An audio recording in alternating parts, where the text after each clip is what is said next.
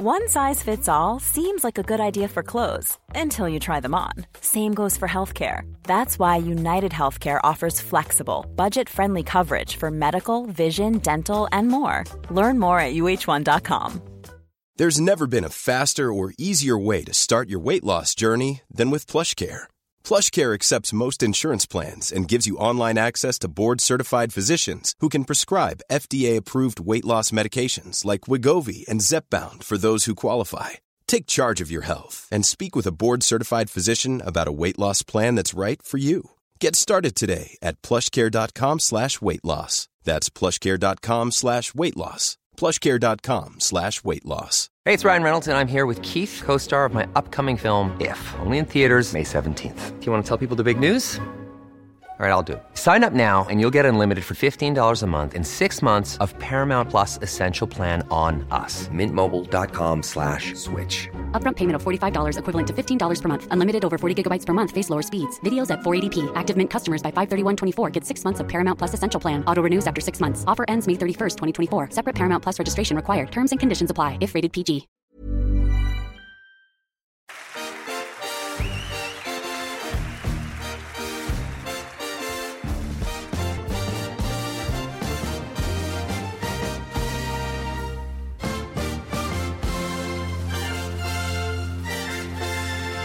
Lyssnar på Fotboll i fotboll och vi är äntligen tillbaka. Tyvärr utan min eh, co-host Lukas, som brukar vara med oss vanligtvis, men som dessvärre har dragit på sig en sjukdom. Så vi har ersatt han med eh, ingen mindre än Malek. Jajamän, mig känner ni till från första avsnittet där jag var med eh, som gäst. Men nu hoppar jag in som inhoppare till Lukas. Så det blir kul. jag tänkte säga det, du är ingen vanlig gäst. Nej, det, jag har lite erfarenhet med er i alla fall. Så Ja, jag vet, jag vet hur precis. det funkar. Och som du var inne på, Lukas han eh, missade sitt första avsnitt. Ja, synd, synd, synd. Verkligen. Framförallt med tanke på vem vi har med oss idag. Ja, vem har vi? Eh, ni har Peter Kirchvallode vid bordet. Eh, känner mig hedrad att få komma hit. Verkligen kul. Ja, och det är stort av det här. Eh, Jag kan säga att ditt namn var ett av de första jag skrev på drömgäster när vi startade den här podden. Oj. Så det är väldigt stort ja, du, har mycket att leva upp till. Du behöver bara vara dig själv så gör du det. ja, vi hoppas det. Ja. Det går bra. Eh, Du har säkert dragit den här hundra gånger, men hur ser din bakgrund till fotbollen ut? Eh, jag började spela i BP när jag var, var sju år gammal. Eh, och eh, spelade då i ett, eh, BP hade då, det var, var inte lika stor verksamhet som det är nu. Men eh, då spelade jag i något som heter D4 eh, och man ville ju upp till D1, det vill säga 66 lag 1. Och, och efter eh, två år så kom jag upp till 66 lag 1.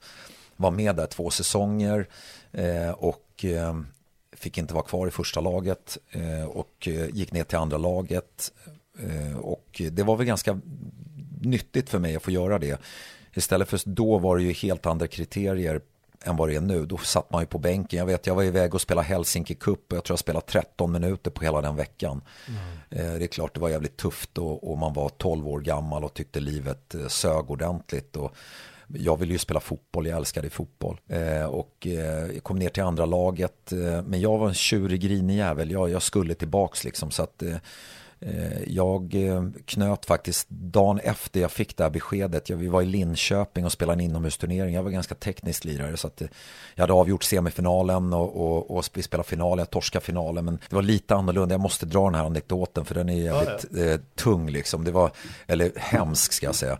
Eh, vi förlorar finalen, går in i omklädningsrummet. Jag var ganska nöjd ändå för jag, jag hade gjort en bra match och jag hade gjort en bra turnering och sådär.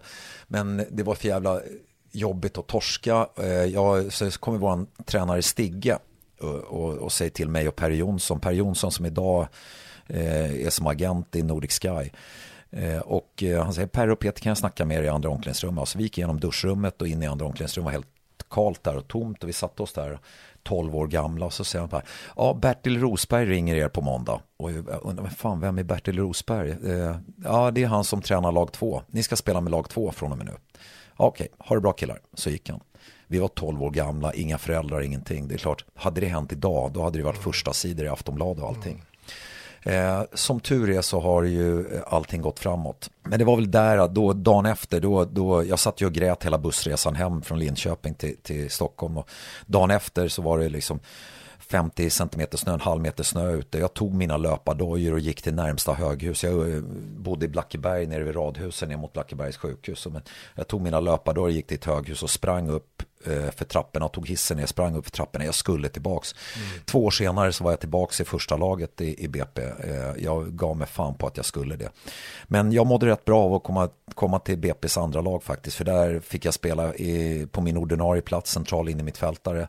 Jag blev lagkapten, jag fick ett helt annat självförtroende, jag växte som spelare. Så det var nyttigt för mig att få spela liksom mm. varje vecka och få vara en viktig spelare i det laget. Och det var då jag kände också att fan ibland är det måste man ta ett steg bakåt för att kunna ta två steg framåt. Så det, det var enormt nyttigt för mig. Mm.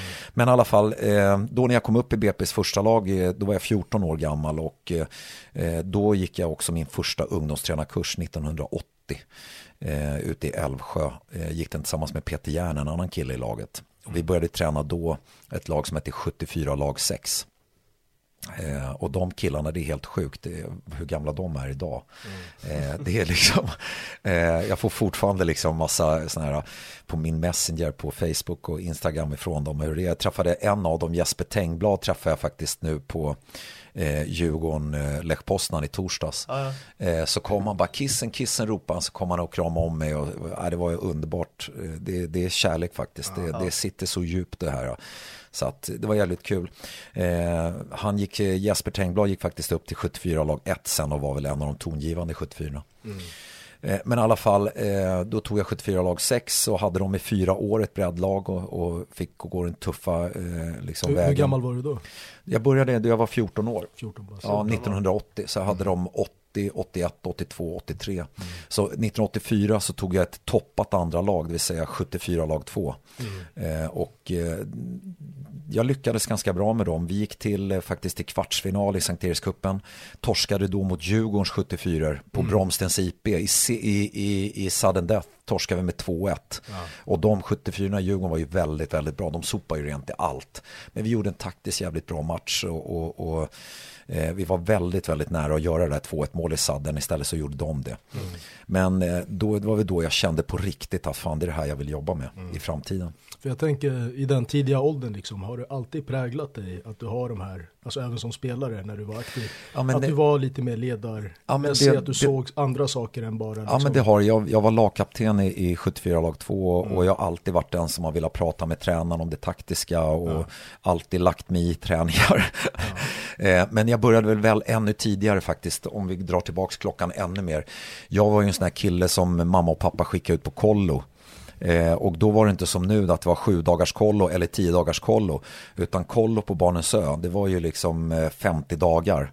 Mm. Eh, och man undrar vad fan hade jag gjort min mamma och pappa för ont som skickade iväg med 50 dagar på kollo på sommaren. Liksom. Ville de inte vara med sin son? Men jag älskade kollo. Eh, och eh, väldigt, väldigt tidigt när jag var 11 år, 1977, då var jag, då utsåg jag mig själv till lagkapten för Kollos eh, laget Larsbacken. och det sjuka var att jag gick till tvättkorgarna och hämtade shortsen och, och strumporna och matchtröjorna och la upp dem på min säng på, i rummet där jag bodde med stora killarnas rum. Liksom. Mm. Och sen så satte jag upp en laguppställning följande kallande till matchen på onsdag mot Björkhaga. Och eh, vi träffas där, matchen börjar 14.00 00, vi ses 12.30 för matchgenomgång och kläder delas ut och jag var verkligen så här väldigt, väldigt tidig, jag var 11 år gammal. Det här låter ju sjukt men det var verkligen så. Eh, och till slut så kom Klatte, Klasse Hellström, han kallas för Klatte, han var föreståndare på kollo han tog mig och ville prata med mig och så jag frågade vad är det liksom? Ja, nej men eh, du måste förstå en sak att eh, vi kan inte spela fotbollsmatcher mot andra kollon varje dag här. Mm. För jag hade suttit nere, det fanns ju bara en telefon mm. på den tiden på kollo mm. och, och, den var i köket och jag satt där och ringde andra kollon, det var en mm. telefonlista där och bokade in matcher hela tiden och så eh, liksom vi måste göra andra saker än bara åka och spela fotbollsmatcher så. så att det började väldigt tidigt det här. Ja. Eh, och, men jag har varit så, eh, också jag vet när jag gick i sexan då i Blackebergsskolan, då, då arrangerade jag Lilla Vasaloppet. Mm. Eh, och så tog jag betalt. Eh, det kostade fem kronor att vara med i Lilla Vasaloppet. och, och vinnaren tog allting. Och så hade jag köpt lite olika priser liksom. Och tickt ihop andra grejer. Så att, och det var runt Råckstaträsk då, det här Lilla Vasaloppet. Deltog du i det eller? Ja, jag deltog. Jag vann också. Det var det, var det, det, var det jag misstänkte. Det var det jag misstänkte. Ja, det var Cissi Edberg faktiskt, en tjej. Hon var grym på skidor. Hon kom ja, ja. tvåa. Jag spurtade i kapp henne. Jag sprang väl fram på de där miniskidorna. Ja, ja. Så att, jag har alltid varit en jävligt dålig förlorare också. Det är väl en av mina svagheter eller styrka. Jag vet inte hur man ska se ja, det. Men, men, om vi fastnar lite, du upptäckte ju tränaryrket ganska ja, tidigt. Nej, men 74-2 då, jag hade dem i fyra år och det gick väldigt, väldigt bra för dem. Min största uppgift där, det var ju att, att, att få fram spelare till 74 lag 1 och mm. varje år fick jag lämna ifrån mig de, de, de bästa spelarna så att mm. säga. Eh, däremot fick jag ett samtal till 74-2, jag fick ifrån Hammarbys tränare och eh, han frågade mig, han sa, han hade en, två söner då, en som hette Robert Andersson och sen hade han, eh, i alla fall, han frågade, jag, jag har fyra killar från Bayern som vill komma till, till BP och sa, men då ska du ringa 74 lag 1. Mm. Nej, nej, nej, vi vill, vi vill spela med 74 lag 2 för vi tycker ni spelar så jävla bra fotboll. Mm. Så jag fick ett nyförvärv med fyra killar från Bayerns första lag, varav de var riktigt bra alla fyra och gick mm. rakt in i oss. Klart, då blev vi topplag i, i, i liksom i, mm. i eh, i Stockholm. Mm. Så att det var jättekul faktiskt. Eh, Robban Andersson, hans eh, son, han heter numera Robert Marshage och hans son ah, ja. är, är Viljot eh, Marshage som är Milan, Milan. Fast ja. nu gick han väl till eh, Torino. Torino tror jag. Ja, exakt. Uh, i Primavera? Ja. ja. Så att eh, Robban har jag, har jag god kontakt med fortfarande, vilket var jäkligt kul. Men det samtalet fick en 14-årig kille som tränade ett andra lag alltså? Ja, då var jag lite äldre. Då, var, då, då hade jag 74 lag 2, så då var jag kanske där 18-19 mm, år. Ändå väldigt imponerande att ja, ja. Nej, nej men det, var ju, det, det, det, var ju fantastiskt och jag vet att eh, 74 i, i lag 1 var ju väldigt avundsjuka och BP undrar vad det är som händer. Varför, men, eh, så att då, jag, sa, jag var ju väldigt ödmjuk då och ja. sa det att ni ska ju faktiskt ringa den här. Men då sa nej, nej, vi vill, vi vill till 74 lag 2, vilket var jävligt kul. Mm. Så att, vad, eh, vad tror du att du gjorde i den gruppen? Jag tror att min styrka har varit att bygga lag och, och se till att alla mår jäkligt bra och, och eh, trivs. Eh, och sen så Eh, jag, jag jobbar alltid efter glädjen som är nummer ett i gruppen. Mm. Vi måste ha kul och roligt på jobbet. Mm. Eh, och det var väl en anledning till att jag, när jag satt med Bosse Andersson och Djurgårdens vd Henke Bergen, då sa mm. Henke det att eh, för oss är det viktigt att ha roligt på jobbet. Mm. Mm. Och det var då jag kände att fan, det är här jag ska vara. Exakt. Ja, är, är, det, är det möjligt i, nu när du jobbar på den här höga nivån, liksom, när det kommer till A-lagssammanhang och krav ja, och allt det där? Jag tror att, Går det att behålla glädjen i, över en hel säsong? Absolut, det tror jag. Eh, mm. sen är det självklart att eh, man måste veta när det är, nu kör vi och man måste veta när man eh, slår på och slår av så att säga. Men mm. jag tror att oavsett nivå så måste glädjen vara nummer ett. Eh, om inte jag har roligt på jobbet då kommer inte jag kunna, jag, jag vill inte ge 100% av mig själv på mitt jobb. Ah. Eh, och där så tror jag att eh, min erfarenhet i alla fall när jag har besökt klubbar utomlands så har det varit att, att jag har liksom nästan ju högre upp man kommer desto mera skratt och tjo och kim är det också på träningar mm. innan och allting. Men sen så när man liksom, jag var i Manchester United när Sir Alex var där, det, alltså det var en enorm skön känsla och feeling. Jag fick dessutom sitta med i matsalen och han kommer in och sjunger Åh, sole mio och liksom alla grabbar börjar applådera och sjunga med och sådär och det var en enorm skön ja. känsla. Och, och, men däremot när de gick ut på plan, då var det liksom när de körde kvadratat. Men sen när han, när han blåste till lite, då hajade alla direkt att nu är det allvar, nu kör ja. vi. Och då körde man, då kunde man döda varandra på träningen. Ja. Och det, lite där måste man känna av där också, att när man kör, då kör vi. Och nu är det, nu är det, liksom, nu är det fokus, då kör mm. vi. Men emellan allt det här så alltså, tror jag att man måste hitta den här balansen. För att mm. jag tror annars är det jävligt tufft också att leva på den här nivån, mm. eh, höga nivån som de här spelarna gör med den, den pressen och trycket de har på Precis. sig. Så att jag tror att det är mm. viktigt. Kan man återkoppla det här med glädje av eh, den situationen du blev utsatt för av den här tränaren när du blev nerpetad till lag två eh, ja. i BP där? Ja, att det satte prägel på dig? Att ja, så här behandlar det, man inte någon? Nej, eh, och jag tror också att jag har lärt mig otroligt mycket av det väl från väldigt tidig ålder. Mm. Jag har ju dessutom suttit i ett extremt jobbigt samtal med min egen son. Där jag var akademichef i BP och han och jag, hans tränare ringer till mig Eh, och vi pratar med Viktor och eh, de, vi bestämmer ett möte på Grimsta där Viktor spelar 98 lag 1. Och eh, på vägen dit så frågar Viktor mig, jag vet ju vad samtalet handlar om i och med att jag har ju pratat med dem innan. Mm. De vill plocka ner Viktor från 98-1 till 98-2. Okay. Eh, just då var det extremt jobbigt också för Viktor för att jag låg i skilsmässa med mitt ex. Mm. Eh, och det liksom allting kom på en gång och han hade en mm. enorm trygghet i laget. För 98 är ju extrema, det är kanske den årgången där spelarna umgås som mest. Fotbollsfabriken, som, eller hur? Ja, men det är verkligen ah. så. Och han hade alla sina kompisar där. Och som igår kväll exempelvis, då kommer han hem vid halv tio och Eh, då, ah, men jag ska in, jag ska bara ta en snabbdusch, jag ska ner och, och träffa Gyökeres. Då hade Viktor Gyökeres kommit hem, för nu är det landslag och då hade Jöken ringt. Och när vi, förra veckan så var jag i London och då kollade vi på Eh, mina barn fick det i julklapp. Vi kollade på Chelsea-Dortmund, avgörande åttondelen i Champions mm. League. Och sen dagen efter var det Tottenham-Milan, kollade på den också. Och då, då träffade vi Gyökeres och käkade eh, tidig middag innan matchen med honom. Eh, så att eh, vi, det, 98 har alltid varit extremt starka ihop och mm. gör väldigt mycket tillsammans. I vintras när jag skulle eh, åka till Argentina, då träffade jag liksom, nej inte Argentina, jag skulle till, vad fan skulle jag då någonstans?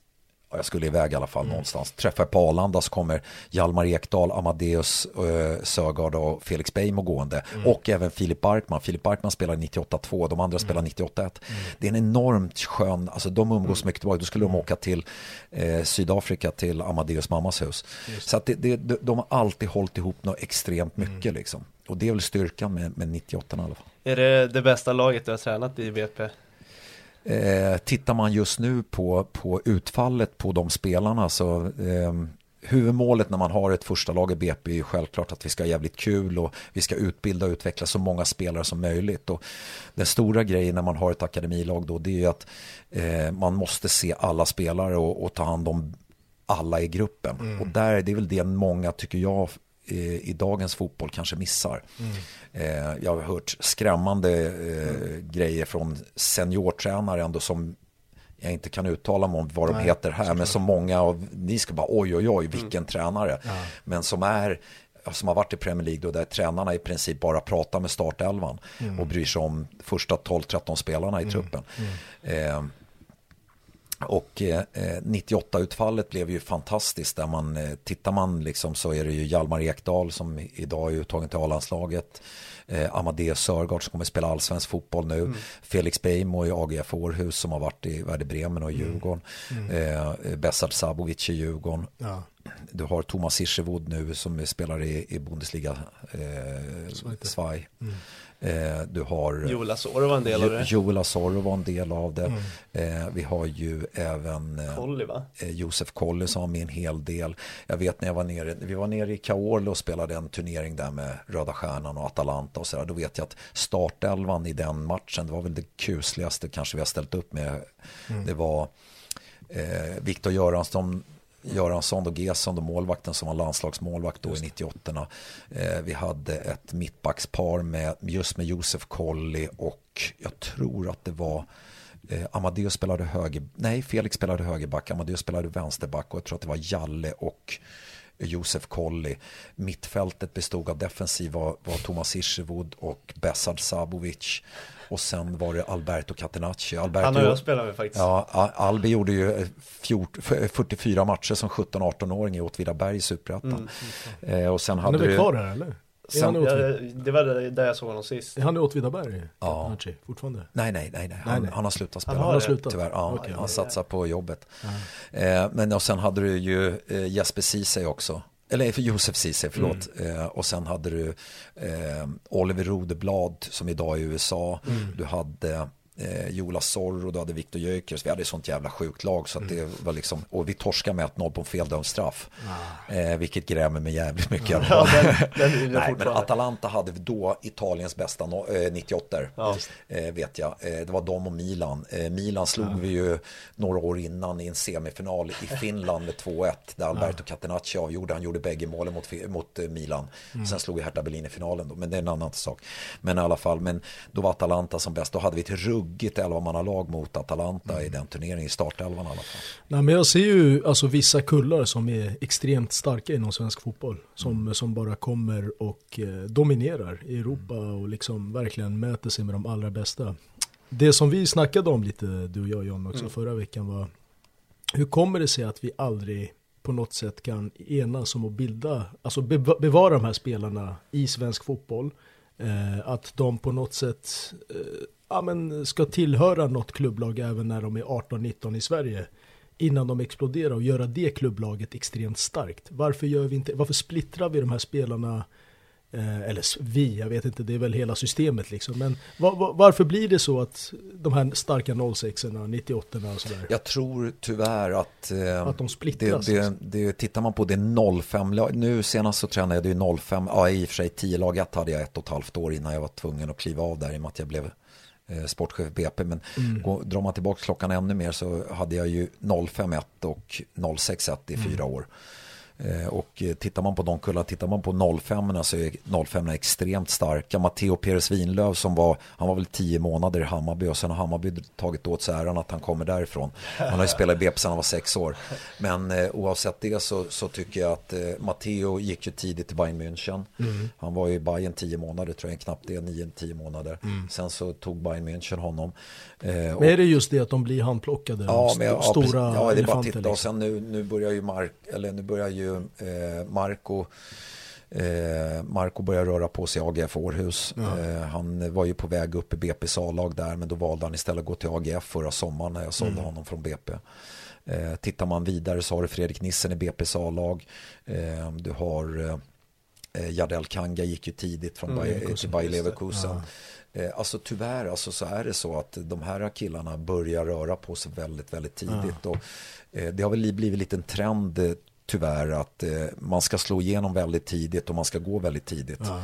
Eh, den enda som har gått motsatt riktning faktiskt, det är väl nästan Lukas Bergvall va? Mm. Ja, jag är chockad över den ja, faktiskt. Ja, nej, så där, det var ett statement Djurgården gjorde där. Och det får man säga. Sen måste jag säga att det är väldigt, väldigt eh, moget eh, beslut ifrån eh, Lukas. Han ja. känner sig trygg. Han sa det, om jag blir proffs när jag är eh, om två år eller tre år eller fyra år, det spelar inte så stor roll. Jag vill bli proffs, absolut, men först ska jag vara redo för det. Och, och det är ju väldigt, väldigt glädjande när det blir så. Men han, han, han, har, han, han har trygghet hemifrån med bra föräldrar och, ja. och hela familjen. Och jag känner ju familjen väldigt väl privat också med tanke på att eh, Lukas mammas eh, två brorsor då eh, Ludde Söderlind född eh, 79. Mm. Han tränade jag i några år i 79-laget mm. och Ville Söderlind tränade i BP's 81. Mm. Men, men skulle du säga att det finns, liksom, kan, kan, vi säga att det finns ett rätt svar där eller skiljer det från individ till individ? Det här med att lämna alternativt stanna Nej, jag, i Sverige och växa sig stor. Liksom. Jag, jag, tror att det handlar också om var man kommer ifrån. Ja. Och det kanske låter eh, liksom en, kommer från en, från en, en liksom en ett eh, lite utsatt område, det är tufft ekonomiskt hemma allting. Då, ja. då är det klart att eh, när de står och viftar med pengarna mm. när man är 16 år, det är att oj jävlar, jag kan tjäna 70-80 tusen i månaden här. Ja. Fan wow, mm. det är enorma pengar. För vi har ju exempel liksom med Langa, Kulusevski ändå som drar tidigt och ja. lyckas. Så att, bara så att man inte inpräntar att så här måste det vara. Utan att det ändå är, Lukas har ju tagit en annan väg. Mm. Och den, han kanske har de förutsättningarna i livet utöver det. Att kunna ta Djurgården och ändå liksom fortsätta sin karriärsteg läge.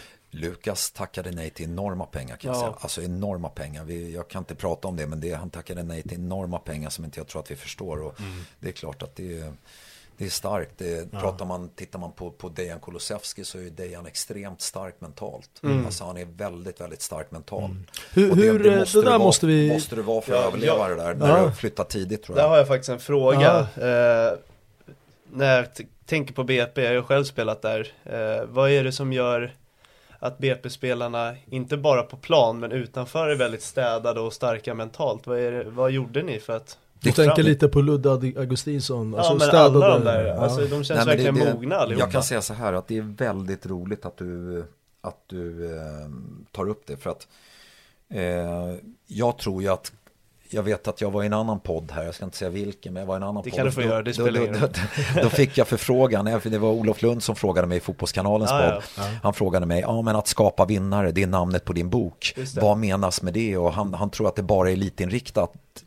Men bara vara med i den akademin som jag, jag, eller jag hade som BP har så var det att där, bara du är med i den så är man en vinnare mm. i mina ögon för att mm. du, du skapar inte bara bra fotbollsspelare alla kan inte lyckas och bli fotbollsspelare mm. det är ju en omöjlighet det vet alla som håller på med det här men däremot så skapar du väldigt bra människor mm. och du, du skapar bra individer, du lär dig vara där i tid du måste passa tiden. Eh, du måste vara rätt förberedd. Du måste ha sovit, du måste ha ätit, du måste ha druckit. Eh, när du kommer till träning så ska du vara där i tid, du ska ha rätt utrustning med det. Eh, jag vet Jardel Kanga på sin första träning, han kom upp så hade han inga fotbollsskor med sig, han hade glömt dem. Mm. Stackarn, han var ju 11 år då. Mm. Men där ser man liksom. Men, men, men vad du, blir, förlåt att jag avbryter, vad blir en konsekvens alltså nej, om man inte följer? Ja nej men då, han kunde ju inte vara med och träna i och med att han inte hade några fotbollsskor på sig. Ah. Han ville inte vara med och köra gympadojor och det ah. förstår man ju utan han fick komma veckan efter istället. Men, men, men och då när du är 11 år liksom, då får man försöka hjälpa killen. Men alla de här bitarna blir ju också att eh, du måste lära dig fungera i grupp, du måste lyssna, du måste kunna ta instruktion, du måste, alla, alla de här bitarna har du med dig i arbetslivet.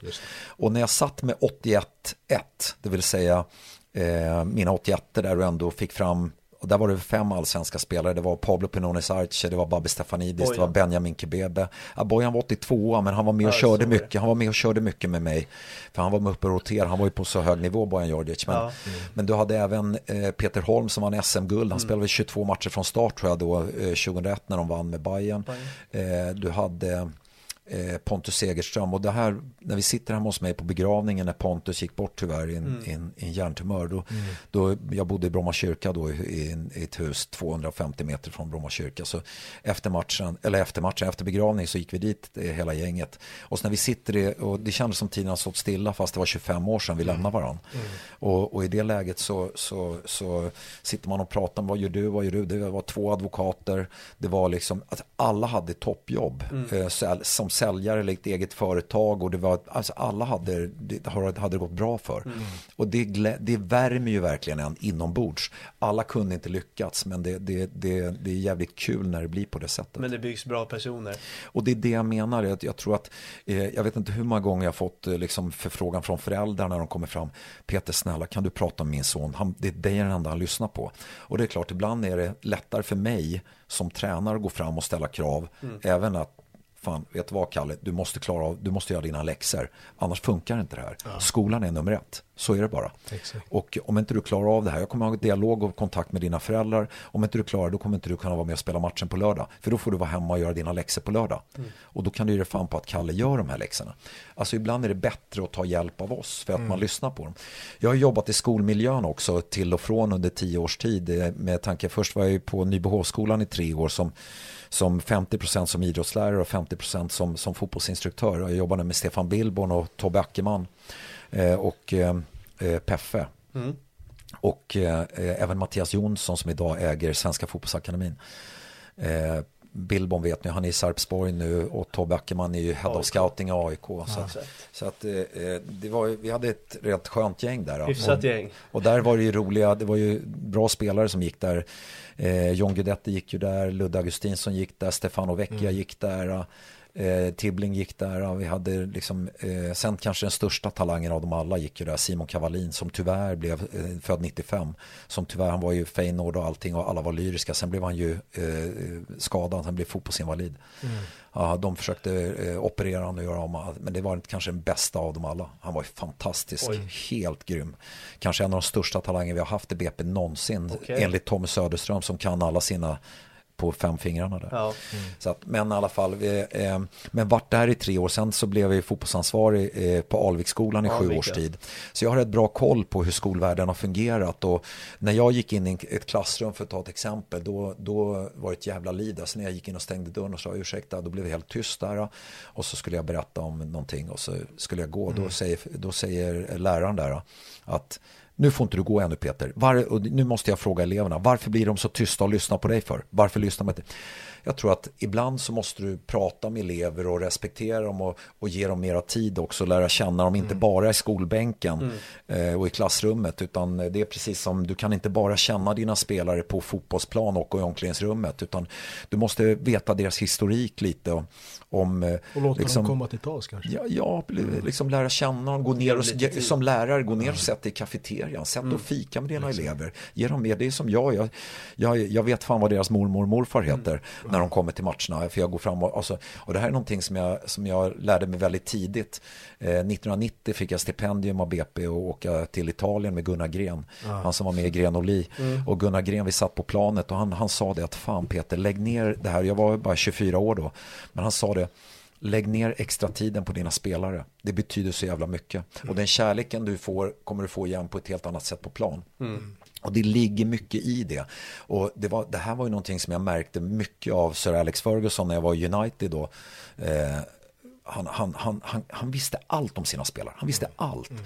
Och den, det är så jävla viktigt och jag tror att det här är den stora skillnaden tror jag mellan de stora ledarna och tränarna och de som inte lyckas gå hela vägen men som mm. vill gå. Självklart måste du vara skicklig fotbollsmässigt mm. som tränare. Men det är en bit. Men ditt ledarskap, det tror jag är 75-80%. Det taktiska och allting, det är 20-25%. För att det har alla och det är det lätt att plugga sig till mm. och se och titta och liksom hur pressspelet ska se ut. Hur ska mm. vi jobba offensivt? Hur jobbar vi defensivt? Allting det här. Men och, och liksom läsa motståndarna och allting. Men du måste ha med dig spelarna på, på, på, på ditt sätt och de måste liksom, jag tror att ju mer du lär känna spelarna, eh, en kille som jag åkte hem med, han, han har det här jävligt tufft liksom hemma och jag visste det. Jag åkte hem dagen innan julafton och ringde på eh, klockan åtta på kvällen. Eller jag, jag smsade, var i portkoden, så kom jag upp till honom. Och du vet hans tårar när jag kommer med två julklappar, för han hade inte en julklapp. De går inte att beskriva. Nej, det och det, det, det, är det här, nu börjar jag tåra själv. För att folk förstår inte liksom hur, hur mycket tid man lägger ner runt om. Ja. Eh, liksom, jag har till och med suttit, jag vet inte hur många möten jag har suttit med. Jag åker till skolan, söker upp klassföreståndaren, sitter med, med kuratorn i skolan och tittar på, okej, okay, utan att spelarna vet om det. Vad behöver han? Han behöver mer av det och det och det. Okej, hur gör vi det? Hur, liksom, vi lägger upp en plan och så finns jag i bakgrunden bara för att... Och alla de här bitarna måste man göra tycker jag. Och där tror jag den stora skillnaden är mellan, mellan träna ett ungdomslag och lyckas väldigt bra också. Mm. För att du måste lära känna spelaren. Mm. Jag vet att ja, men den där killen, han har ingen pappa. Eh, eller han har ingen mamma. Eller han, eh, liksom, jag vet en kille som, han kom till mig nu eh, och så säger han så här att ah, jag kan inte komma på träningen imorgon. Okej, okay, eh, vad ska du göra? Eh, varför? Nej, men jag ska hjälpa mamma att flytta. Mm. Mm. Okej, okay. ja men det, det, det är inga problem självklart. Mm. Och sen så kommer han eh, veckan efter och så säger han igen. Eh, får jag prata med dig lite försynt? Kommer han. Ja, absolut. Så går vi iväg och så lägger jag armen om. You should celebrate yourself every day. But some days you should celebrate with jewelry. Whether you want to commemorate an unforgettable moment or just bring some added sparkle to your collection, Blue Nile can offer you expert guidance and a wide assortment of jewelry of the highest quality at the best price. Go to BlueNile.com today and experience the ease and convenience of shopping Blue Nile, the original online jeweler since 1999. That's BlueNile.com. BlueNile.com. Ever catch yourself eating the same flavorless dinner three days in a row? Dreaming of something better? Well, HelloFresh is your guilt free dream come true, baby. It's me, Gigi Palmer. Let's wake up those taste buds with hot, juicy pecan crusted chicken or garlic butter shrimp scampi. Mm. Hello Fresh. Stop dreaming of all the delicious possibilities and dig in at HelloFresh.com. Let's get this dinner party started.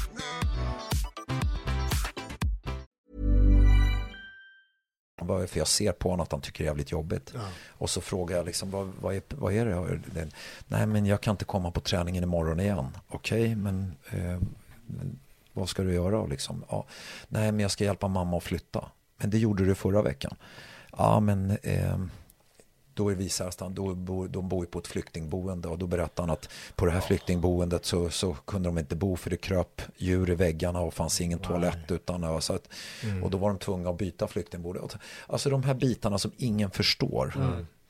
Och då, då, då, då sa jag att det är lugnt. Eh, så efter träningen då, då, eh, då tog jag honom i bilen och så åkte jag med körde hem honom mm. för att liksom prata med mamman och tala om att det är inga problem självklart mm. och ja. behöver ni hjälp med någonting kan vi hjälpa till med. Alltså, det är sådana stora saker som, som man måste liksom sätta sig in i spelarna. Man måste, mm. man måste ge det här tid. Och här tror jag eh, man, man, man, man vinner otroligt mycket för när, när spelarna känner att fan vad han lägger ner tid på mig. Att, du bryr och, va, att jag, bryr, jag bryr mig om spelarna, inte bara på planen. Mm. Då är de beredda att liksom springa genom berg för att vinna matchen. Ja. Och ge hundra på träning. Och de får en helt, vi får en helt annan ömsesidig respekt för varandra. Mm. Det är klart att han lyssnar på mig. Även fast han kommer från ett jävligt tufft område.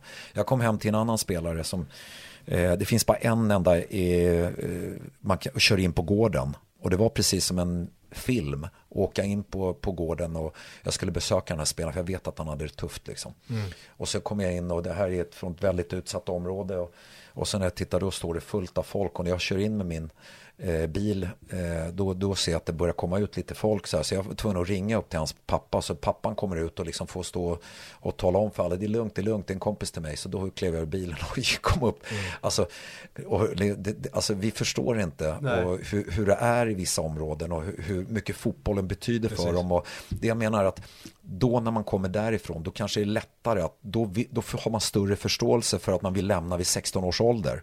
Istället för att man när man har ett tryggt boende med mamma och pappa, ett väl fungerande arbeten och allting och det, då kan man liksom kanske ha på ett helt annorlunda sätt. Då, mm. då, då, ser man det mer långsiktigt. Men när man eh, kommer från en, ett annat område, då är det kortsiktigt. Liksom. Då måste man iväg. Och, och, så att, och ibland kan jag till och med trycka på att de ska iväg som 16-åring för att de inte ska hamna fel med, med vissa gäng och allt möjligt. Mm. Vi tar oss lite till nuläget tänker jag. Okay. Eh, ja, du har ju en roll i Djurgården. Eh, hur mycket av det du nämner nu, det här med det relationella och så vidare, kan man bevara i den nya rollen? Eller kan du bara berätta hur rollen ser ut, hur den är utformad och dina arbetsuppgifter? Man kan väl säga att eh, min tjänst heter att jag är sportkoordinator A till U. Mm. Eh, och det är väl att jag hjälper Bosse till med 30 30 40% av min tjänst ungefär. Eh, med lite allt möjligt runt om och försöker avlasta honom så mycket som möjligt i och med att han jobbar sju dagar i veckan. Han har extremt mycket att göra. Mm. Och det har jag sagt till honom att eh, sånt som du inte hinner med, lägg det på mig. Mm. Eh, för att han ska kunna göra det han är jävligt bra på. Mm. Och göra det liksom med mycket energi och allting. Så att, eh, och i och med att jag har jobbat som sportchef förut så, så, så har jag väl en er, viss erfarenhet av vissa saker som jag kan ta tag i. Eh, den andra biten är att jag eh, håller på att titta igenom Djurgårdens verksamhet, titta på eh, vad Djurgården, hur, hur såg jag på Djurgården innan jag kom in i Djurgården? Ja, det, är rätt, det? det är rätt intressant. Ja. Ja, det, kan inte, det, det kan jag inte ta här, för det, det ska jag ju redovisa om några veckor här. Ja, okay. eh, skulle varit klart redan nu i mars, men det har skjutit på det lite för att det är så enormt stort liksom och, och jag vill göra en ordentlig genomlysning av mm. verksamheten. Så att, och sen så håller jag på att titta på hur är Djurgården nu när jag är i Djurgården. Mm. Och eh, dessutom så, så eh, hur, hur kan man göra Djurgården bättre på sikt? Vad är Djurgården om tre år? Vad är Djurgården om fem år? Vad är Djurgården om tio år när jag är pensionär? Eh, 57 år i sommar och eventuellt jobbar man väl till 67. Men, så att, eh, och, och liksom, det viktiga här det är väl att man ska göra Djurgården bra över tid. Mm. Eh, och att man, man eh, vill få en ännu bättre verksamhet. Eh, Djurgården har ju väldigt stora resurser mot dem jag kommer från i BP. Där har man inte lika stora resurser.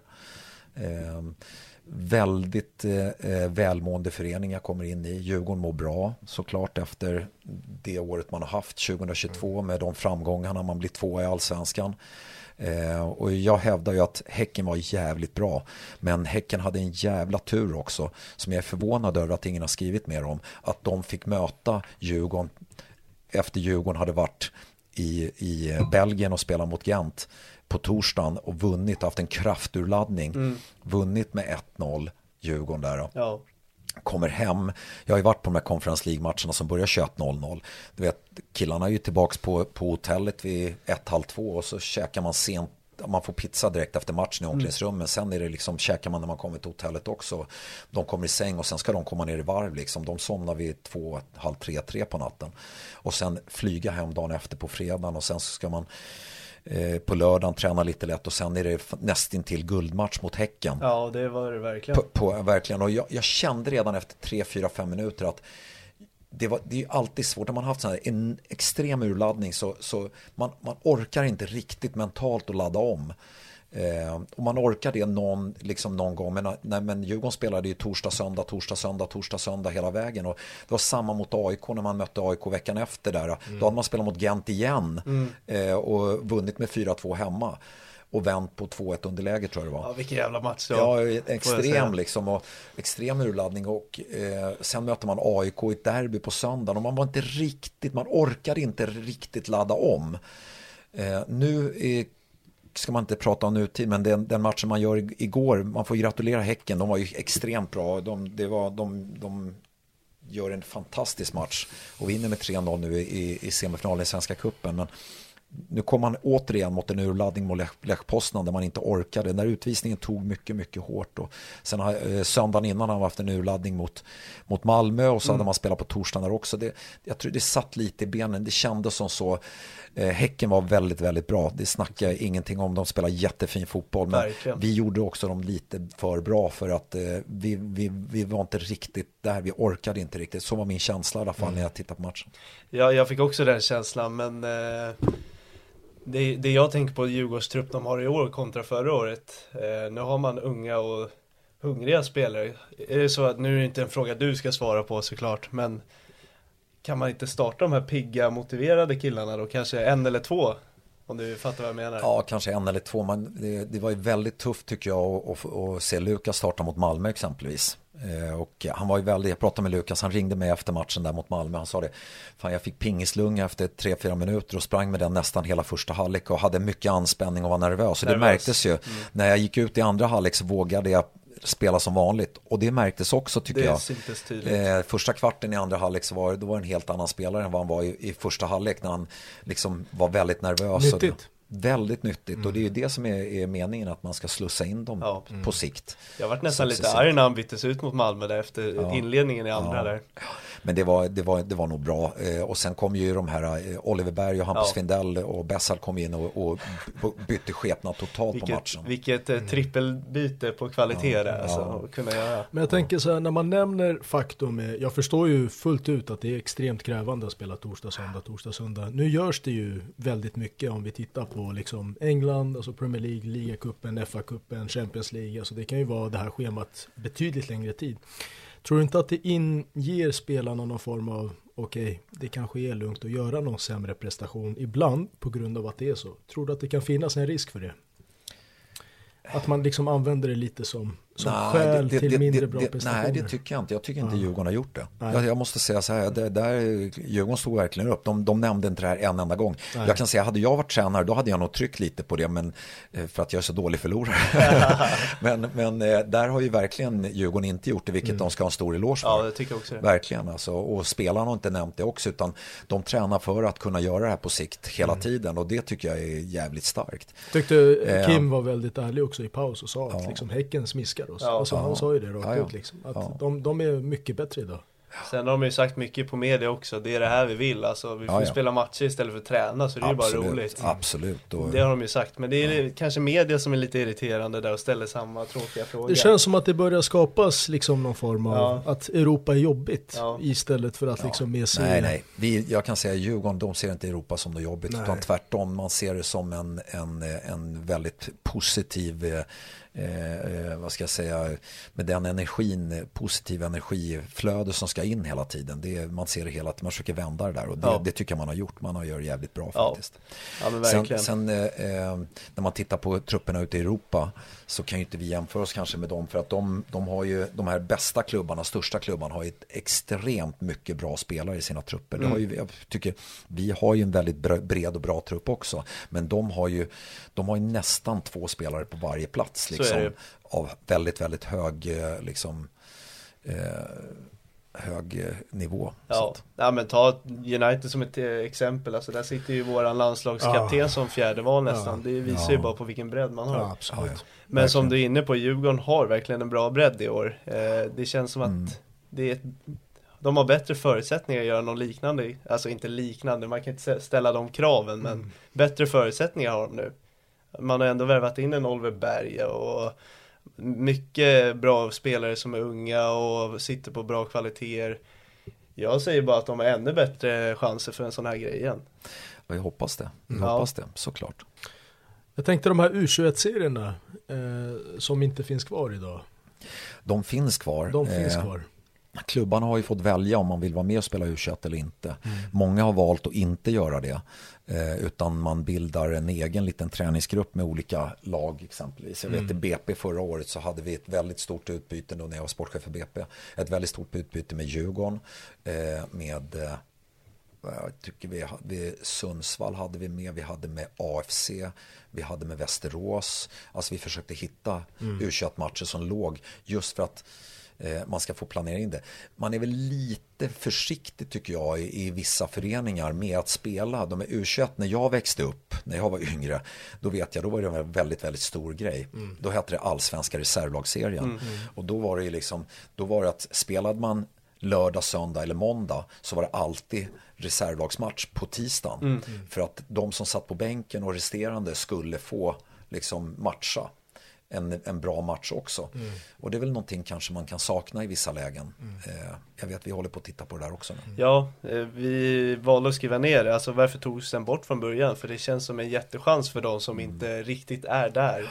Eh, det, det, blir ju lite så när några klubbar tackar nej till att vara med i U21-serien. Då blir det ju lite så här, ha inte de med, inte de med. Ja men då skiter vi i det också. Okay. Så, så bokar vi lite träningsmatcher istället.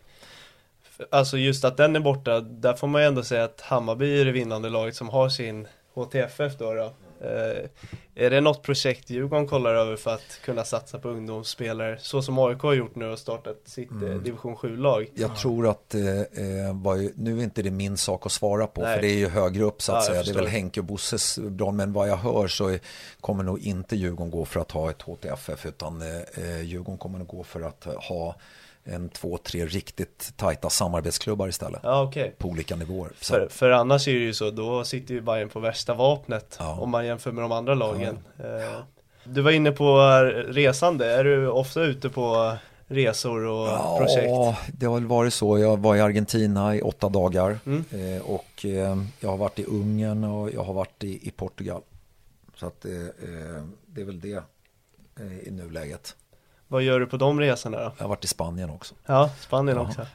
ja, nej men eh, det har ju varit eh, lite, lite scoutresor, eh, bygga kontaktnät och eh, det har väl varit lite mer på sikt och titta över marknaden i Argentina och, och, och, lite sånt där. Jag såg väldigt mycket matcher där. Hade en väldigt, väldigt bra guide med mig som kan den argentinska marknaden väldigt väl och hade ingångar och bra kontakter och allting. Mm som var guld värd. Eh, man förstår nog inte en sån resa. Det var någon som sa, ah, men fy fan vad skönt och glassigt att dra iväg till Argentina.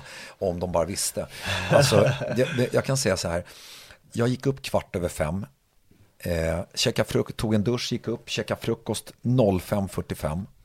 Eh, kvart över sex, halv sju gick bilen, åkte iväg två timmar. För att klockan nio på morgonen, då skulle första matchen, jag skulle se första matchen den dagen. Och det var mellan en, en klubb i Argentina och jag vill inte säga vilken, men och eh, Ecuadors U17-landslag. Okay. Den började klockan nio på morgonen. Efter, den var slut kvart i elva. Efter den så åkte, åkte vi vidare. Eh, hade ett möte med en, en eh, eller det, han som jag, det var inte jag som hade mötet, men han, jag var med, han hade ett möte med en, en av de största klubbarna i Argentina eh, på ett lunchmöte som vi var på. Och sen efter det så gick vi vidare för att 13.30 eller var det 14.00 tror jag, 14.00, 13.30 eller 14, då hade, alltså en vardag, en tisdag, en vardag så spelade man i ligan. Och jag tänkte, det kan ju inte vara en människa där, liksom mitt på dagen här. Jo då, eh, det var 7-8 tusen åskådare där. Mm. Det är helt otroligt. Ja, och sen efter, efter det 16.00 eh, så började, nej 17.30 så började nästa match och sen eh, i ligan och sen sista matchen började eh, 21.00 mm. och det, då, det var fyra matcher jag såg en den dagen. Jag satt i bil eh, också, det, jag var i Rosario två gånger eh, och det är ju bara en enkel resa dit i fyra timmar. Så det är fyra timmar dit, fyra timmar hem. Och så när man kommer tillbaka till hotellet sitter man, och fan den där spelaren ska man, ja. Och så tittar man, han spelar om fyra dagar igen. Och då spelar de återigen Rosario. Då var det återigen, nej fan jag vill se honom igen. Och så var det fyra timmar dit och fyra timmar hem. Alltså det, det, det är inte liksom, det är, det är extremt påfrestande att, att vara iväg sådär också. Du är iväg från familjen och allting och det bara går i att sista, sista dagen jag skulle flyga hem från Argentina då var jag ute på stan. Då hade jag liksom fyra timmar att slå ihjäl. Och då var jag så trött så jag var, gick ner bara och kollade runt om hotellet. Sen gick jag upp på hotellet och la mig och vila lite. Mm. För jag, jag pallade inte för att sen skulle jag flyga hem och, och jag, jag orkade inte liksom. Mm. Så att, nej men det är väl lite bygga kontakter och, och, och, och titta på, på, på spelare såklart. Mm. Jag tänkte på en fråga det här med, som jag tänkte ställa till dig angående att utländska klubbar eller spelare som går till utländska klubbar, oftast från Sverige då, oftast uttrycka att det är ett hårt klimat eh, i utlandet. Är det för mjäkigt i svenska akademier? Är vi för snälla? Jag tror så här att eh, när man kommer utomlands och, och, så är det självklart att när, om jag skulle komma dit som spelare så är det klart att de andra säger tjena, tjena, hej, hej. Men det är klart, de vet också om att om jag är en jävligt duktig spelare då tar jag deras jobb. Så att det är klart att det, det är lite vassare armbågar och det är lite tuffare. Eh, och många av de här spelarna som är, har varit iväg har ju liksom berättat jättetuffa historier. Mm. Eh, och, utan att nämna några namn. Så det har varit jättetufft för dem. Liksom, och det, Vad är ditt är råd då när det kommer till mental styrka? Nej, till en sån spelare. Vad ska tror, man göra? Jag tror att man måste vara väldigt, väldigt eh, tuff inne mm. i, i, sin egen hjärna och mm. prata med sina egna tankar och tala om att jag måste vara lika tuff, ja, eh, men mm. jag ska vara jävligt trevlig och ödmjuk. Men jag får inte backa heller när man kommer ut på plan. Jag vet att jag var i Juventus med eh, Lukas Bergvall och, och Filip Rolke. Mm. Eh, och eh, när jag var i Juventus då, då hade varenda scout kommit dit. Och det var, jag tänkte vad är det där för fina gubbar som kommer i alla fina kläder. Jag kom i, i träningsoverall och gympadojor och rygg, liksom rygga med lite mm. block och penna och lite sånt där. Och, och en regn, extra regnjacka. Ja. Och stod där och, och då kommer liksom 12-13 gubbar. Och då hade de ringt in varenda scout från hela Italien som Juventus hade. Och, och det de tävlade i det var vem som hade mest välputsade dojor och snygg kostym. Fast de var jävligt trevliga så jag ska ja. inte säga ja så, men de, de stod där och tittade och, och då vet jag att när de började spela två mål då kom den stora starka forwarden och, eh, och eh, liksom drog Filip Rolke, Filip var mittback då, mm. och drog han i, i, i, tröjan och, och Filip bara skrek och bara slog bort den. Vad fan håller du på med? Släpp för i helvete! Du vet, riktigt aggressivt och tufft och, och bara putta till honom och liksom. Och då jag såg ju scouterna bara, de tittade på varandra och bara wow. Mm. Ja, han står upp, han viker inte ner sig den där. Wow, det där behöver vi. Då var det liksom, och det är lite så alltså. De, de tittar ju också efter, inte bara det fotbollsmässiga, utan kommer han klara av det här? Karaktär. Han ber inte, precis. Han, Råka, ber, han, du, ja, han ber inte om ursäkt när han är på plan. Och det är lite så, du måste ha det när du, det är äta eller ätas där ute. Liksom. Mm det är självklart att du ska vara en jävla bra fotbollsspelare men du måste klara av klimatet och tuffheten också. Mm. Och det här, då hade vi spelat två minuter liksom och i nästa närkamp small det så benpiporna visslade mm. om det mellan de där två också. Mm. Och det är liksom, det, så till och med han, Marco Ottolini som, som jag har kontakt med i Juventus, nu är han i och för sig i Genoa, men då när han, eh, när han var där då då, då, då, då, gick han och sa, aha, de är imponerande för han var så tuff här och han stod upp och bara, mm. bara. Det är klart, de men det, det är ett attribut de, ja, men, som, som ja, man de, uppskattar. De, de, alltså. de är ju vakna också, Juventus. Ja. De sätter sin tuffaste forward på honom för att kolla hur han, fan kommer han klara av det här. Så att... Apropå honom då, han kommer ju ett jäkligt, eh, vad ska man säga, svårt läge nu eller vad man nu ska säga om han ska få speltid, om det blir någon skada. Och, eh, hur, hur tror du han handskas med den utmaningen? Ifall jag det, tror att eh, när, när, när, när, vi pratar Filip Rolke, han är ju född 06 och han är fortfarande 16 år gammal. Mm. Han fyller 17 år den 10 juli i sommar. Mm. Eh, vi ska inte stressa med honom. Eh, han han eh, har varit i Basel och, och, han hade en tuff, när han kom dit i augusti så efter bara två, tre pass så bröt han ju armen. Okay. Och han var borta nästan i två månader. Mm. Och, och, det är klart, då går september och då går oktober och sen komma in i november och så liksom börja träna i kapp. Då. Han har haft det tufft men han, han har längtat hem också. Han har inte mått så bra där. Och, mm. och nu, vi, vi var beredda att ta hem honom. Det är en Djurgårdskille som bor på Lidingö nära till, till, till vår verksamhet. Och, och Djurgården var intresserad av honom innan han drog dit så att mm. säga. Mm. Eh, då när han var i BP så, så hade han träffat Djurgården redan innan. Så Hur kommer det, matchningen se ut för en sån kille? Jag tror att han tränar just nu med A-laget och sen får han väl eh, spela med, eller matcha med, med U19 och U21 och, och sen är han tillräckligt bra då får, då får vi Kim och Tolle avgöra om han ska spela med A-laget. Mm. Häftigt, jag tycker ja. av det jag sett från honom, jag tror mm. verkligen att ja. det är en stor spelare på gång. Det som är styrkan med, med, med Filip, det är ju hans eh, snabbhet tycker jag. Ja. Eh, han är, det är en väldigt snabb mittback och, mm. och det måste det vara idag. Och sen Så, det här riviga, lite ja, Rabos. Ja, ja, han, han, är, han är tuff och han står upp. Hörru, BP Djurgården, det har ju varit ett tema de senaste åren. Eh, bara nu i klubben så har du förflutet Bergvallbröderna, Ode Falk, Sabovic, Findell, Rolke. Vem är nästa om du får handplocka en från BP? Det vill inte jag gå in på, för det är för känsligt. Och, och det har inte varit meningen, men nu, nu har det ju varit så att eh, eh Djurgården och BP har haft en väldigt bra historik eh, mellan klubbarna och det har fungerat väldigt bra mellan klubbarna. Eh, eh, tittar man så har ju BP fått väldigt bra betalt för, för, för BP-spelarna också. Eh, av Djurgården. Djurgården har ju varit väldigt generösa och schyssta liksom. Och, mm. och där har ju Bosse byggt upp en, en bra dialog och, och eh, Djurgården, eller förlåt BP har ju haft en ganska hög vidareförsäljningsprocent för att eh, Djurgården har sagt det att eh, om de gör det bra här och de går vidare då ska ni också tjäna på det så att ni känner att, att vi ger ifrån oss också. Och det tycker jag är jävligt schysst liksom. och, och, det tror jag är den viktigaste biten när man mm. säljer en spelare. Eh, att man har en, en, en hög vidareförsäljningsklausul. När jag sålde eh, våran gode vän Paulus Abraham till AIK så, så eh, var det ju väldigt tufft där också. Men då hade vi bra dialog med AIK och vi fick en bra vidareförsäljningsklausul på honom. Vilket gjorde att vi fick väldigt mycket pengar till slut ändå sen han gick till Groningen. Och jag tror att det är det viktiga för, för de mindre klubbarna när spelaren går till en, en, en stor klubb. Och där tror jag storklubbarna ska vara lite generösa. För jag tror att man vinner på det i längden. För det är mm. klart att kan man få står, står, står den här klubben som ska sälja spelaren och väljer mellan tre olika klubbar så vet man att man har en bra historik och att man har, man är, man har varit väldigt generös i, vidareförsäljningen med den här, och det har varit ett lyckat samarbete under flera års tid över tid så tror jag att då, då, då vill nog den klubben hellre sälja till, till den klubben. Hur lång tid tror du det tar innan BP kan säga nej, han ska spela i vårt lag och behålla de här killarna? Eh, jag tror att eh, eh, det handlar ju om såklart om om eh, ekonomi. Mm. Det handlar om att idag så måste man ha längre avtal på spelarna. Mm.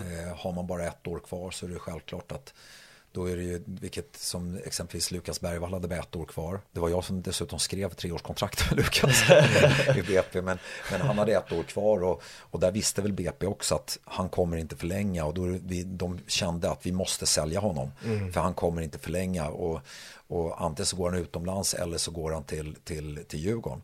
Och jag vet att eh, eh, AIK var ju på och försökte också och sådär. De ger sig in i sista va? Ja, de, försökte. De, de, försökte eh, också. Men Lukas var djurgårdare och han hade redan bestämt sig långt innan. Så att de försökte med allt möjligt. Men, men och det, det gillar jag när, när, när eh, Lukas har klubbkänsla. Och, mm. och, och, dels var han väldigt noga med att BP skulle få bra betalt.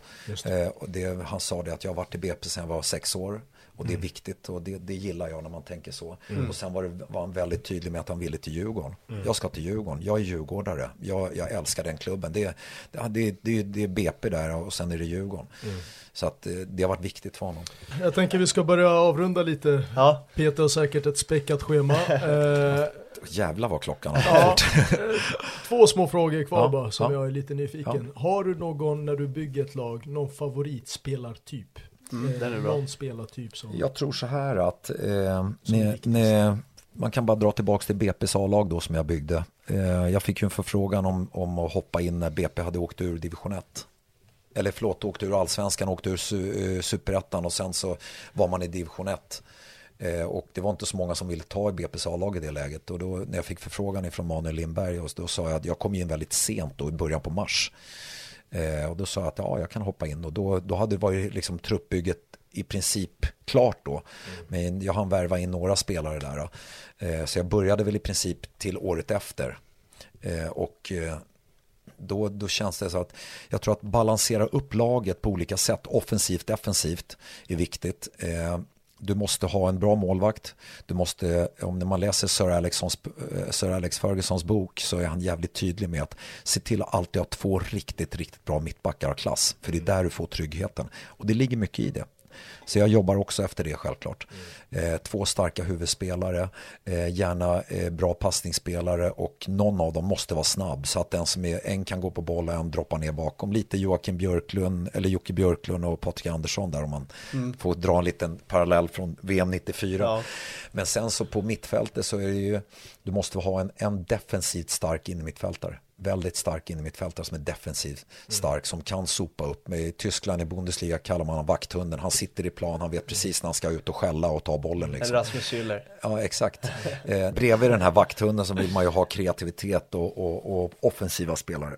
Och sen så är det så här att du måste ha målskyttar. Det var någonting jag tittade på till BP där. Jag tittade, ja Marian Kosic, fan oj, han gjorde 18 mål i, i, i Haninge. Mm. Så det, då tog jag honom och så tittar man på, sen vill jag ha en, liksom på kanten vill jag, på kanten vill jag ha speed. De ska kunna göra sin gubbe en mot en. Eh, och de skulle kunna eh, skära in själva, gå mot mål, men de ska också vara jävligt skickliga på att komma runt och kunna spela in bollen. Och då måste du ha en bra nia, en stark boxspelare som ska kunna nicka, vara stark i boxen, hålla bort spelare och dessutom kunna vara en uppspelspunkt när vi spelar upp bollen som kan hålla i lite sådär. Eh, så det, det, är väl lite så man, man bygger laget. Mm. Och sen vill man ju ha löpstarka ytterbackar i ett modernt 4-3-3-spel. Eh, Om man eh, spelar med sjuan och, och elvan, det vill säga höger och vänsterfåran som droppar in lite, blir lite pocketplay, kan ju ytterbackarna komma också i korridorerna hela tiden. I BP så hade vi ju innekorridorer och ytterkorridorer mycket. Eh, och där hade vi Monir Jelassi som gjorde det väldigt, väldigt bra, extremt snabb spelare. Och sen hade du Oskar Krusnell som nu gick till eh, Hagesund tror jag det var. Mm, det. Eh, också en fantastisk vänsterback i, i division 1 och superettan och jag tror att han hade tagit nästa steg också i, ja. i allsvenskan. Det tror jag för att är jätteduktig, haft lite problem med skador. Eh, så att, eh, sen Theo Bergvall gjorde det väldigt, väldigt bra i, i BP när han hoppade in när Monir Jelassi blev skadad mm. och gick in och spelade Eh, i hans frånvaro. Det gjorde också att man kunde plocka upp Monir ett steg i banan och använda också som ytterforward. Där var ju Oskar Pettersson väldigt, väldigt bra. För Oskar har ju en väldigt bra inspelsfot. Han är jävligt snabb på att löpa runt och, och, och eh, han är bra en mot en. Och dessutom har Oskar ett väldigt, väldigt bra målskott. Det har i och för sig Monir alltså också. Bägge de har väldigt bra tillslag på bollen. Han har varit anfallare också så Ja, precis. Ja. precis. Han kom ju därifrån. Så. Ja.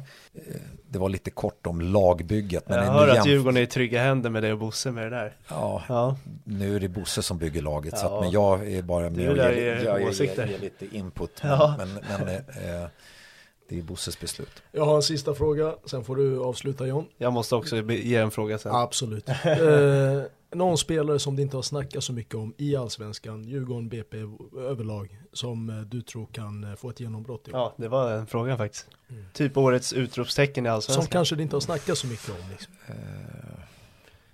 Hmm. Svårt, svårt, svårt. Tittar man så i storklubbarna tycker det, det pratas om alla, alla spelare. Mm. Nu kan det vara lite ja, svårt, men det då Ska jag säga någon i Djurgården eller någon annan klubb? Får bjuda på precis vad du vill. Ja, någon som man liksom höjer ögonbrynen för i slutet av säsongen sådär. Så man bara, var kom han ifrån? Det ska man ju inte sitta här och prata om för då släpper man ju det liksom. nu lyssnar alla allsvenskan fantasy-spelare också. Ja, nej. Ja, men någon som får nej, jag, jag, jag, jag, kan ju säga Djurgården då. Ja, kan jag, säga. Eh, jag tror ju att eh, eh, någon som hamnat lite i skymundan som jag tror kommer komma lite Eh, det, det tror jag är eh, Wilmer Odefalk. Mm, Wilmer är eh, jättefin spelare.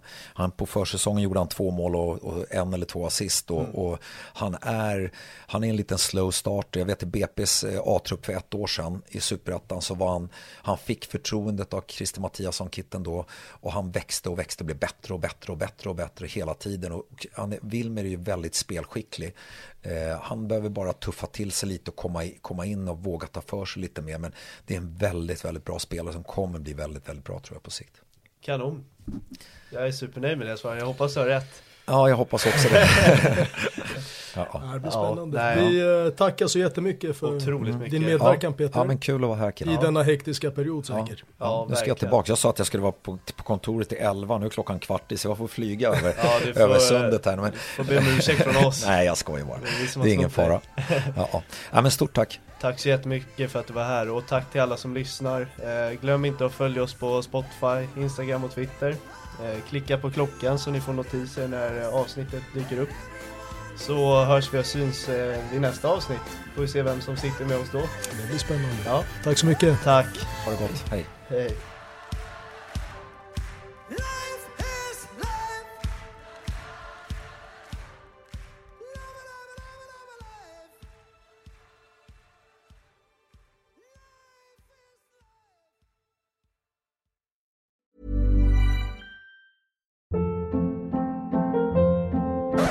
Hold up. What was that? Boring. No flavor. That was as bad as those leftovers you ate all week. Kiki Palmer here, and it's time to say hello to something fresh and guilt-free. Hello Fresh. Jazz up dinner with pecan-crusted chicken or garlic butter shrimp scampi. Now that's music to my mouth. Hello Fresh. Let's get this dinner party started. Discover all the delicious possibilities at hellofresh.com.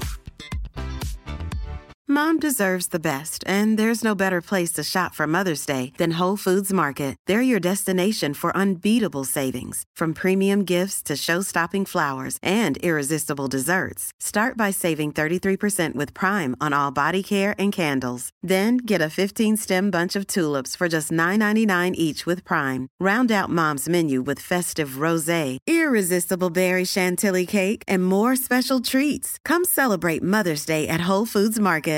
Even when we're on a budget, we still deserve nice things. Quince is a place to scoop up stunning high-end goods for 50 to 80% less than similar brands. They have buttery soft cashmere sweaters starting at $50, luxurious Italian leather bags, and so much more. Plus, Quince only works with factories that use safe, ethical, and responsible manufacturing. Get the high-end goods you'll love without the high price tag with Quince. Go to quince.com/style for free shipping and 365-day returns.